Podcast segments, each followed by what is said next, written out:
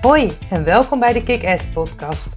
De plek voor iedereen in de sport- en eventbusiness die zich verder wil ontwikkelen. Mijn naam is Esther Huismans, ervaren professional in de sport- en eventwereld. Je kent mij misschien ook van Kick-Ass, het inspiratieplatform voor vrouwen in de sport. Of van mijn online netwerktrainingen van de Kick-Ass Academy.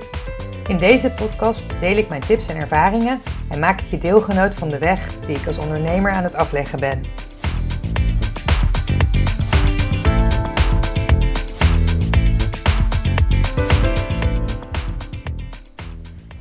Jaar geleden alweer. Het is alweer tien jaar geleden dat ik mij inschreef bij de Kamer van Koophandel. En uh, ik maakte eerst nog de fout door een naam te kiezen die ik heel snel daarna heb veranderd. Ja, ik kan hem wel delen hier, maar uh, eigenlijk schaam ik me er een beetje voor. Ik had eerst bedacht Estrella, want dat uh, betekent natuurlijk ook Esther, dat betekent ook ster. En ik, was, nou ja, ik ben fan van Spanje. Maar eigenlijk merkte ik al heel snel, nou dat uh, past toch niet helemaal. Toen heb ik er het hele saaie EH Project van gemaakt. Maar ja, dat dekte wel uh, uh, de lading van wat ik deed. En nou ja, later is Kick-Ass er ook nog eens bijgekomen. En er zijn nog ontzettend veel andere avonturen intussen op mijn pad gekomen. het is al bijna twintig jaar geleden dat ik, dat ik afstudeerde. Dat is in, in juni is dat het geval. In juni 2001 studeerde ik af. Uh, ik heb bedrijfseconomie gestudeerd en eigenlijk heb ik sindsdien altijd projecten gedaan. Dus op zich was het voor mij ook heel logisch om als zelfstandige aan de slag te gaan. Maar voor mezelf had ik dat eigenlijk nooit bedacht. Um, ik ben uh, opgegroeid in een gezin waar ja, wetenschappelijk onderwijs heel erg belangrijk was. En als je maar goed je best deed op school, dan, ja, dan kon je heel ver komen en dan kon je een goede baan krijgen. En ondernemen zat er eigenlijk helemaal niet. Nou ja, dat is helemaal niet met, met, niet met de paplepel ingegoten. Dus ik heb mezelf eigenlijk ook nooit als ondernemer gezien. En toen ik me inschreef bij de KVK, was het ook niet van: oh, ik wil per se zelfstandig worden. Het was meer een samenloop van omstandigheden. Ik uh, had net de kandidaatstelling voor het WK voetbal gedaan en dat was, uh, was over.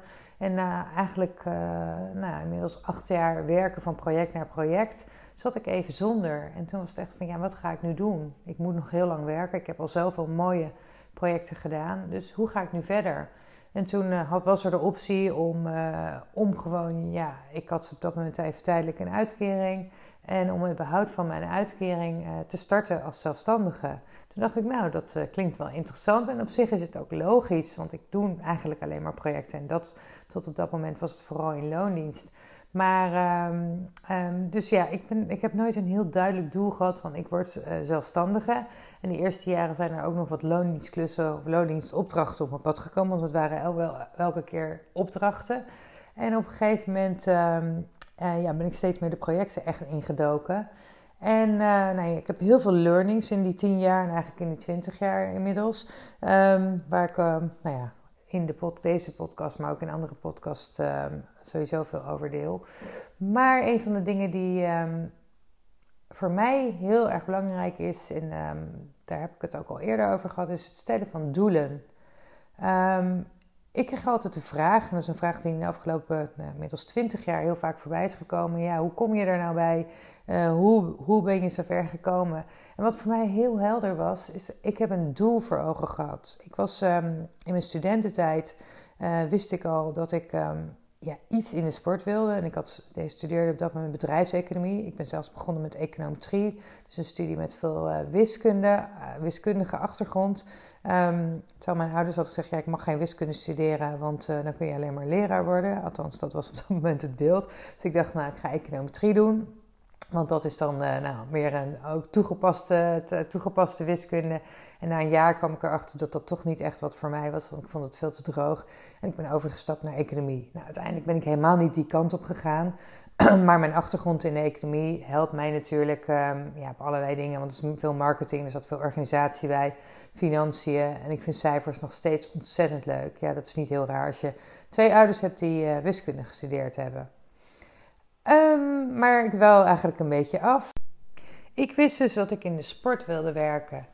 En tijdens Euro 2000, waar ik vrijwilliger was, ontdekte ik dat er mensen waren die uh, sportevenementen um, voor hun werk organiseerden. En nou, ik had zoiets, ik wilde het liefst sport, het liefst voetbal. En toen ontdekte ik dat er ook nog evenementen waren. En uh, een kleine zijstap, maar in mijn studententijd heb ik een aantal uh, evenementen georganiseerd. Onder andere de kennismakingstijd van mijn studentenvereniging. En ik heb de carrièreweek op de universiteit georganiseerd. En ik merkte dat ik dat ontzettend leuk vond om te doen. En dat ik daar eigenlijk veel meer van geleerd heb dan van mijn studie. En dan zeg ik niet dat de studie niet waardevol is. Ik ben ontzettend blij met dat uh, papiertje. Maar uh, praktische zaken, die leer je toch vooral door dit soort dingen te doen. Ik weet nog dat ik voor het eerst de telefoon moest oppakken en dat we sponsoren moesten gaan uh, benaderen. Nou, dat soort dingen, daar heb ik gewoon ontzettend veel van, van geleerd. En uh, ik zei, ik ben blij dat ik een goed hersenen heb meegekregen. En ik vond bijvoorbeeld, ehm, nou ja, stukken schrijven vond ik op dat moment, nou, ik weet niet of ik het nou ontzettend leuk vond, maar, maar het lag me op zich wel. Ik was alleen, ja, ik, het ging het beste onder als ik een deadline had. Um, maar ja, in ieder geval wist ik dus dat ik iets in de, in de sport wilde doen, liefst het voetbal. En toen ontdekte ik dat er ook nog events, jobs waren. Ja, je moet bedenken dat in die tijd dat er niet zo heel veel social media was. En toen dacht ik, ja, dat is wat ik wil. En um, op het moment dat jij weet wat je wil, is het natuurlijk een stuk makkelijker schieten, om het zo maar te zeggen. Als jij een doel voor ogen hebt, dan kun je makkelijker schieten. En dat is een punt wat um, heel veel mensen, ik weet dat in de begintijd toen ik net aan het werk was, waren er best wat mensen om me heen en die zaten, ja, maar ik, wil ook wat jij hebt. Maar als jij niet weet wat je wil, dan is dat natuurlijk ontzettend lastig. En onlangs uh, had ik een afspraak met iemand die eigenlijk ook graag iets in de sport en het liefst in het voetbal wil doen. En um, hij zei ja, hij wilde iets in het voetbal doen. En ik stelde daarover vragen. Ik zei maar iets in het voetbal, dat is voor mij heel breed. Dus ik stelde daar wat gerichte vragen over. En uh, nou, we hadden nog over allerlei andere zaken hadden we, hadden het gesprek. En aan het eind zei hij, ja, dat jij hebt duidelijk gemaakt wat ik wil, dat is voor mij ontzettend waardevol. Want dan kan ik me daarop focussen. En zo werkt het natuurlijk als ondernemer ook. Als jij een expert bent in een bepaalde niche, dan is het veel makkelijker uh, voor mensen om jou te vinden. Dus op het moment dat mensen weten waar ze jou voor moeten uh, benaderen, is het natuurlijk veel makkelijker dan als jij voor alles inzetbaar bent. En dat is een les die ik uh, nou ja, eigenlijk nu ook weer heel erg leer. Maar wat in, in de begintijd van mijn carrière ook ontzettend heeft geholpen. Ik had een helder doel voor ogen en um, dat was het organiseren van een voetbalevenement. Nou hadden we op dat moment dus net Euro 2000 gehad, dus de kans was natuurlijk niet mega groot dat dat zomaar ging gebeuren. Maar ik had, uh, ik weet niet of het geluk is of niet, maar uh, in 2002 werd bekend dat het WK onder 20, uh, WK voor spelers tot 20 jaar, naar Nederland kwam.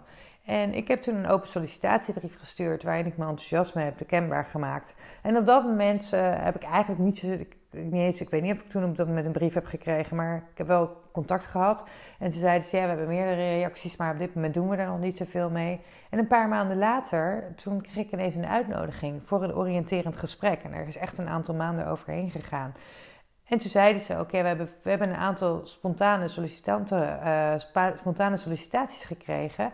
En we willen gewoon eens kijken wie gereageerd hebben. Die gaan we gewoon eens uitnodigen. We kunnen op dit moment niks beloven, maar we willen gewoon eens oriënteren, kijken um, wat voor mensen um, hierop gereageerd hebben. En het werd denk ik het leukste sollicitatiegesprek wat ik ooit heb gehad. um, het was een kennismaking. we hadden gewoon een hele leuke klik. Alleen aan het eind van het gesprek zeiden ze: bel ons niet, wij bellen jou. Meestal is dat niet zo'n positief teken. In dit geval had ik er een ontzettend goed gevoel over. En ik had echt zoiets, ja, ik kan me niet voorstellen, die baan is gewoon voor mij. Ook al was er op dat moment nog geen baan, want dat hebben ze ook gezegd. We weten nog niet hoe we de organisatie gaan, gaan invullen. Maar ik had er zo'n goed gevoel over van, ja, dit klopt gewoon. Ze hebben ook gezegd, ja, je mist de ervaring. Toen zei ik ook, ja, maar ik moet toch ergens beginnen met de ervaring opdoen. Uiteindelijk heeft dit ook weer een aantal maanden geduurd. Ik geloof dat ik mijn uh, brief uh, schreef en dat ik vijf maanden later op gesprek werd uitgenodigd. En dat ik toen weer te horen kreeg van, nou ja, uh, wacht maar even af. Ehm, dus het was een kwestie van geduld hebben. En inmiddels had ik ehm, mijn baan opgezegd die ik op dat moment had. En was ik naar eh, Corsica vertrokken om uh, nog een seizoen te draaien. Dus drie maanden zat ik op een camping. En ik weet dat ik vanaf daar dacht: oké, ik moet gewoon weer eventjes laten weten dat mijn situatie veranderd is. Maar ook eigenlijk wil ik, wilde ik weten van ja, hoe groot is de kans dat jullie met mij in zee gaan? Want anders ga ik ja, als het echt geen kans is, dan ga ik daar niet op wachten. Dus ik heb een tweede brief gestuurd vanaf, uh, vanaf Corsica. Ik weet nog dat ik daar op de camping zat en dat ik met mijn computertje en ik had een printer daar. En dat ik die brief stuurde. Ja, in die tijd ging dat allemaal nog op die manier. En, um, en een paar dagen later werd ik gebeld voor een tweede gesprek. Um, dus ik was ontzettend blij daarmee. Eigenlijk werd ik gebeld um, of ik meteen op gesprek kon komen, maar ik was nog zes weken weg. Dus nou, moest zes weken uh, later. En uh, nou ja, die was in ieder geval uh, in de pocket. En ik had er gewoon een heel goed gevoel over. Dus ik ben op een gegeven moment aan het eind van mijn seizoen op Corsica ben ik teruggereden. En de dag daarna had ik mijn sollicitatiegesprek. Ook dat werd weer een heel leuk gesprek. Uh, die mannen vonden het vooral heel erg interessant om te horen wat ik uh, de maanden daarvoor had gedaan. En ik had dus jongere reizen begeleid, ook omdat zij zelf kinderen hadden van mijn leeftijd en net wat jonger. Dus ze vonden het heel interessant om te horen wat er, uh, wat er allemaal gebeurde. En nou ja, diezelfde dag, diezelfde middag, kreeg ik een, een aanbod. Kreeg ik een telefoontje dat ik een maand daarna mocht beginnen. En ik mocht als eerste medewerker aan de slag. En ik had zoiets van. Uh, um, ze zeiden toen ook op dat moment: ja, je bent misschien wat overgekwalificeerd voor de functie met je universitaire studie, want we hebben een office manager nodig. Maar ik uh, was bereid eigenlijk om alles te doen. Ik had uh, zelfs de vuilniszakken willen buiten zetten. Heb ik ze toen niet verteld natuurlijk. Maar ik had zoiets, ja, dit is mijn voet tussen de deur in de voetbalwereld. En ik maak mezelf van alles eigen. En ik kan ook gewoon heel veel ervan leren. En uiteindelijk is dat ook zo gebleken. Juist doordat ik de office management taken en agent, uh, agenda's bijhield. Maar ik was dus overal bij. Dus ik heb gewoon ontzettend veel kunnen leren die eerste maanden. Of de eerste twee jaar eigenlijk van, uh, van mijn uh, werk in het voetbal. Een betere leerschool had ik me eigenlijk niet kunnen wensen. In de jaren daarna is het balletje eigenlijk letterlijk en figuurlijk blijven doorrollen. Want ik werd van het ene naar het andere project, ja, daar werd ik gewoon voor benaderd. En oh, soms kon ik mijn interesse aangeven. Maar meestal, ja, het bleef eigenlijk doorgaan. Want ik ben toen naar ATP gegaan voor uh, de Olympische Winterspelen. Toen weer terug naar de KNVB voor het EK onder 21. Toen heb ik wel gesolliciteerd voor het EK in Zwitserland en Oostenrijk. En uh, daar een jaartje gezeten. En uh, vanaf daar, toen ik in Zwitserland zat, werd ik weer gebeld of ik mee wilde werken aan de kandidaatstelling voor het WK voetbal. Dus ik heb eigenlijk niet echt na hoeven te denken over mijn doelen. Ik hoefde niet echt heel veel doelen te stellen. Ik wist dat ik in de sport van alles wilde. En, uh, en, en ja, dit was natuurlijk van het ene naar het andere. Dus dat was hartstikke mooi. En hoe mooi dat ook was, er zat ook een nadeel aan dat balletje wat maar door bleef rollen omdat ik eigenlijk in die periode niet echt verder vooruit heb gekeken. Ik heb nu geen doelen gesteld. En eigenlijk kun je dat het beste vergelijken met een, uh, met een autorit.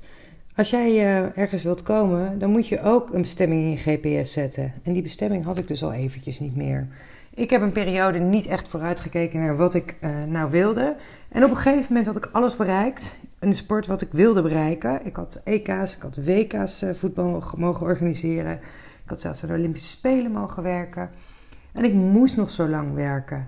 En eigenlijk had ik even geen doel meer. En ik heb ook een periode gehad dat ik voelde alsof ik op een soort kruispunt stond. En niet zo goed wist welke kant ik op ging. En ja, dat is best wel lastig.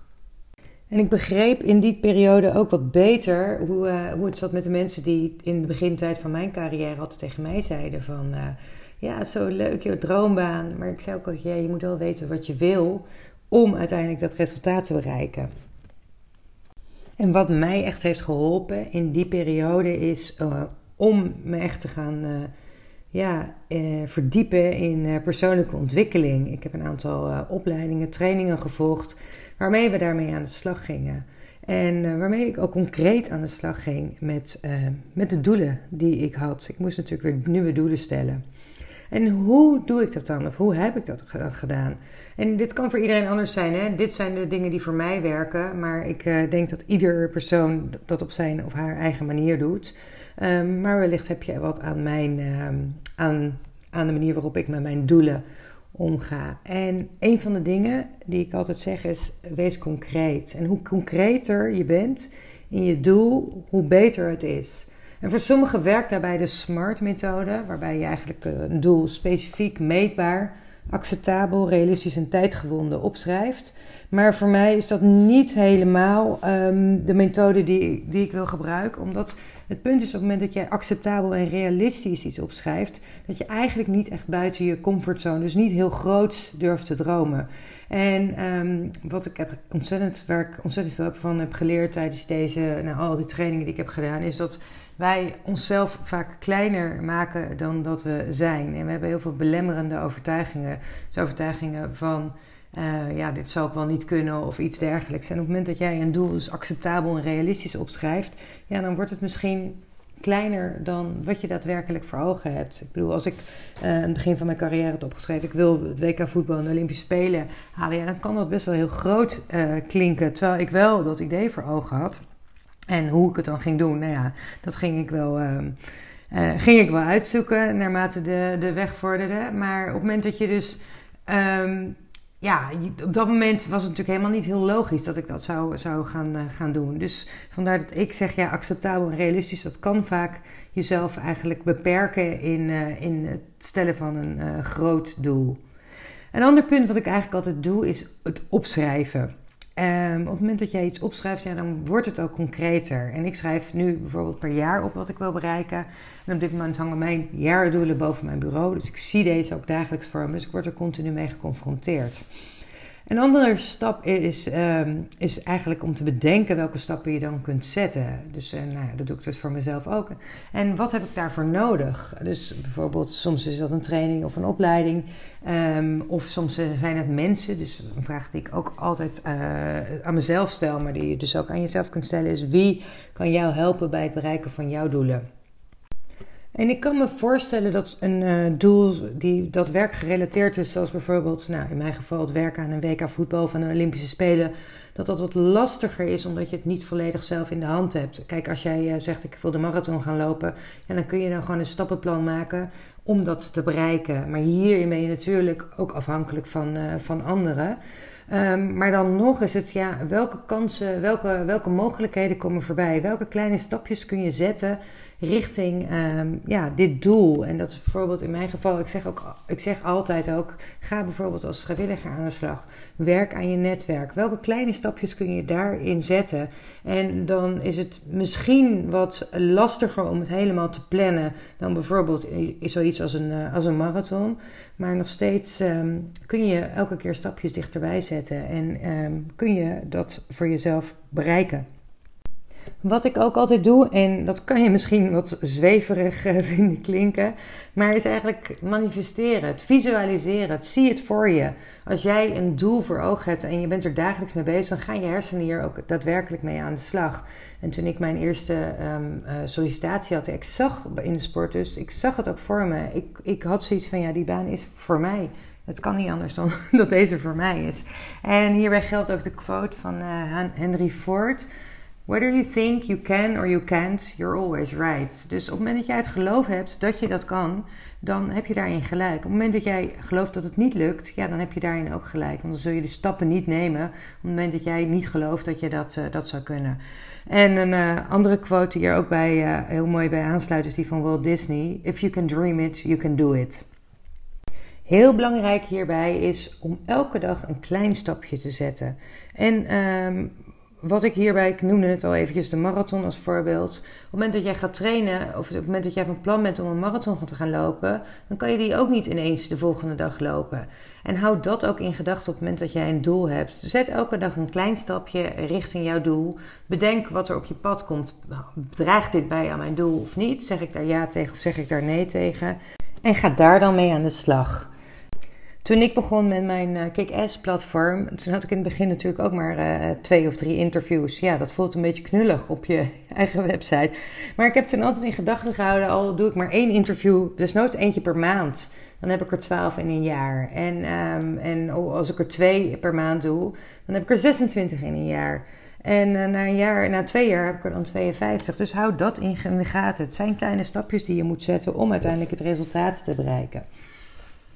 Een ander punt wat, uh, wat ik uh, tegenwoordig ook doe, en dat heb ik in het verleden, moet ik zeggen dat ik dat, uh, dat ik wel eens dat heb nagelaten, is om, om je doelen te delen met anderen. En um, een van de redenen dat ik dat in het verleden misschien niet deed, is uh, dat het een soort van afgang was als iets niet lukte. Maar ehm, wat is er nou een grotere afgang? Dat je iets probeert en dat je alles vergeeft en dat het dan niet lukt? Of het helemaal niet delen uit angst voor wat mensen er eventueel van zouden vinden of zouden denken? Nou ja, tegenwoordig besef ik ook dat dat mijn ego was. Want mijn ego wilde niet afgaan. En uh, dat uh, heb ik uh, grotendeels aan de kant gezet. Natuurlijk heb ik er ook af en toe nog last van. Maar dat is ehm, iets wat ik, uh, ja, ik besef nu wat, het, wat mijn grotere doel is daarin. En als mensen mij daarmee kunnen helpen, dan, uh, dan is dat natuurlijk uh, super mooi meegenomen. Daarnaast zijn de meeste mensen al, het al lang weer vergeten op het moment dat jij zoiets hebt neergezet. Ze zijn helemaal niet zo, zelf, zo met jou bezig als jij waarschijnlijk denkt. En ze vinden het ook waarschijnlijk alleen maar stoer als je zo'n plan of idee hebt. Nou ja, wat ik al net zei, mensen kunnen dan met je meedenken. En uh, je weet dat ik ook um, me altijd heel erg bezighoud met netwerken. Het belang van netwerken onderstreep.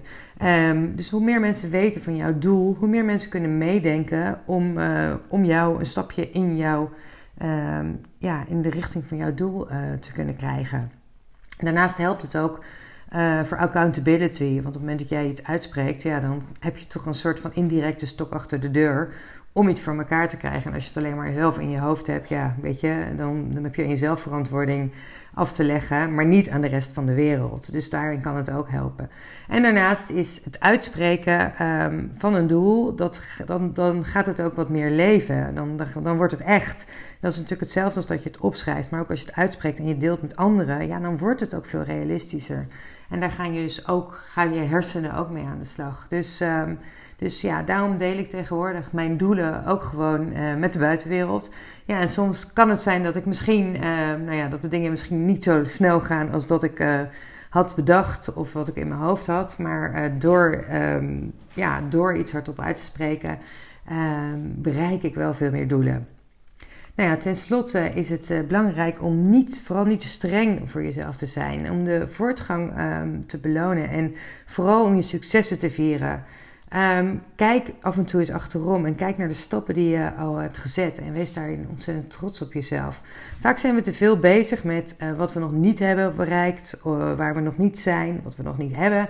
En we vergeten te kijken welke stappen we al hebben genomen. En daarbij wil ik je nog een laatste tip geven. Stop met het vergelijken met anderen. Vergelijk jezelf alleen met jouw uh, versie van gisteren. Want anders word je daar ontzettend ongelukkig van. Nou, dan wil ik je tenslotte heel veel succes uh, toewensen met het stellen en met het behalen van jouw doelen.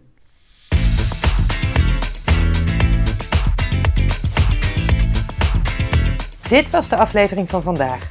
Heel erg bedankt voor het luisteren. Vond je deze aflevering waardevol? Dan zou het heel fijn zijn als je een review achterlaat op iTunes of als je deze podcast deelt via je social media kanalen. Tot de volgende keer!